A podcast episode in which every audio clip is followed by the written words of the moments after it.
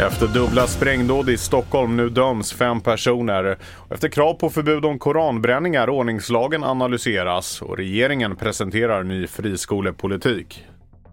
Det här är TV4-nyheterna. Först sprängdes en restaurang på Södermalm. Natten därpå exploderade en företagslokal i Kista och idag döms fem personer i Solna tingsrätt för inblandning i de dubbla bombdåden i januari. Bakgrunden till attackerna är enligt åklagaren konflikten mellan den så kallade greken och kurdiska räven som började i slutet av 2022 efter konkurrensen om narkotikamarknaden i Sundsvall. Mer om domen kan du läsa på tv4.se. Koranbränningen i Stockholm förra veckan har riktat många blickar mot Sverige. Hot och uppmaningar om våldsdåd har riktats mot landet och flera länder är kritiska till att bränningarna tillåts. Vi hör justitieminister Gunnar Strömmer. Det finns ju eh, vissa, vissa efterfrågar eh, någon sorts generellt förbud mot antingen koranbränningar eller mot att, eh, ska vi säga, häda religiösa eh, skrifter eller andra religiösa symboler.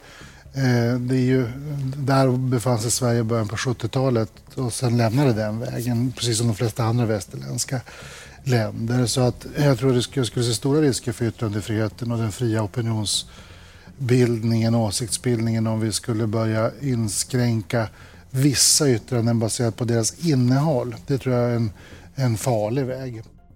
Alldeles nyss presenterade regeringen sin nya friskolepolitik. På en pressträff pratade skolminister Lotta Edholm bland annat om att man vill göra en hel renovering av friskolesystemet. Och det ska inte längre vara möjligt att tjäna pengar på att dra ner kvaliteten på en skola.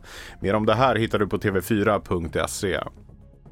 Den danska nätvinhandlaren Winefinder får fortsätta att sälja och leverera vin till svenska kunder enligt ett avgörande i Högsta domstolen. Bakgrunden till målet är EUs grundprincip om fri rörlighet och handel mellan EUs medlemsländer vilket står i konflikt med det svenska monopolet på försäljning av alkohol. Jag heter Felix Bovendal och mer nyheter hittar du på tv4.se och i appen.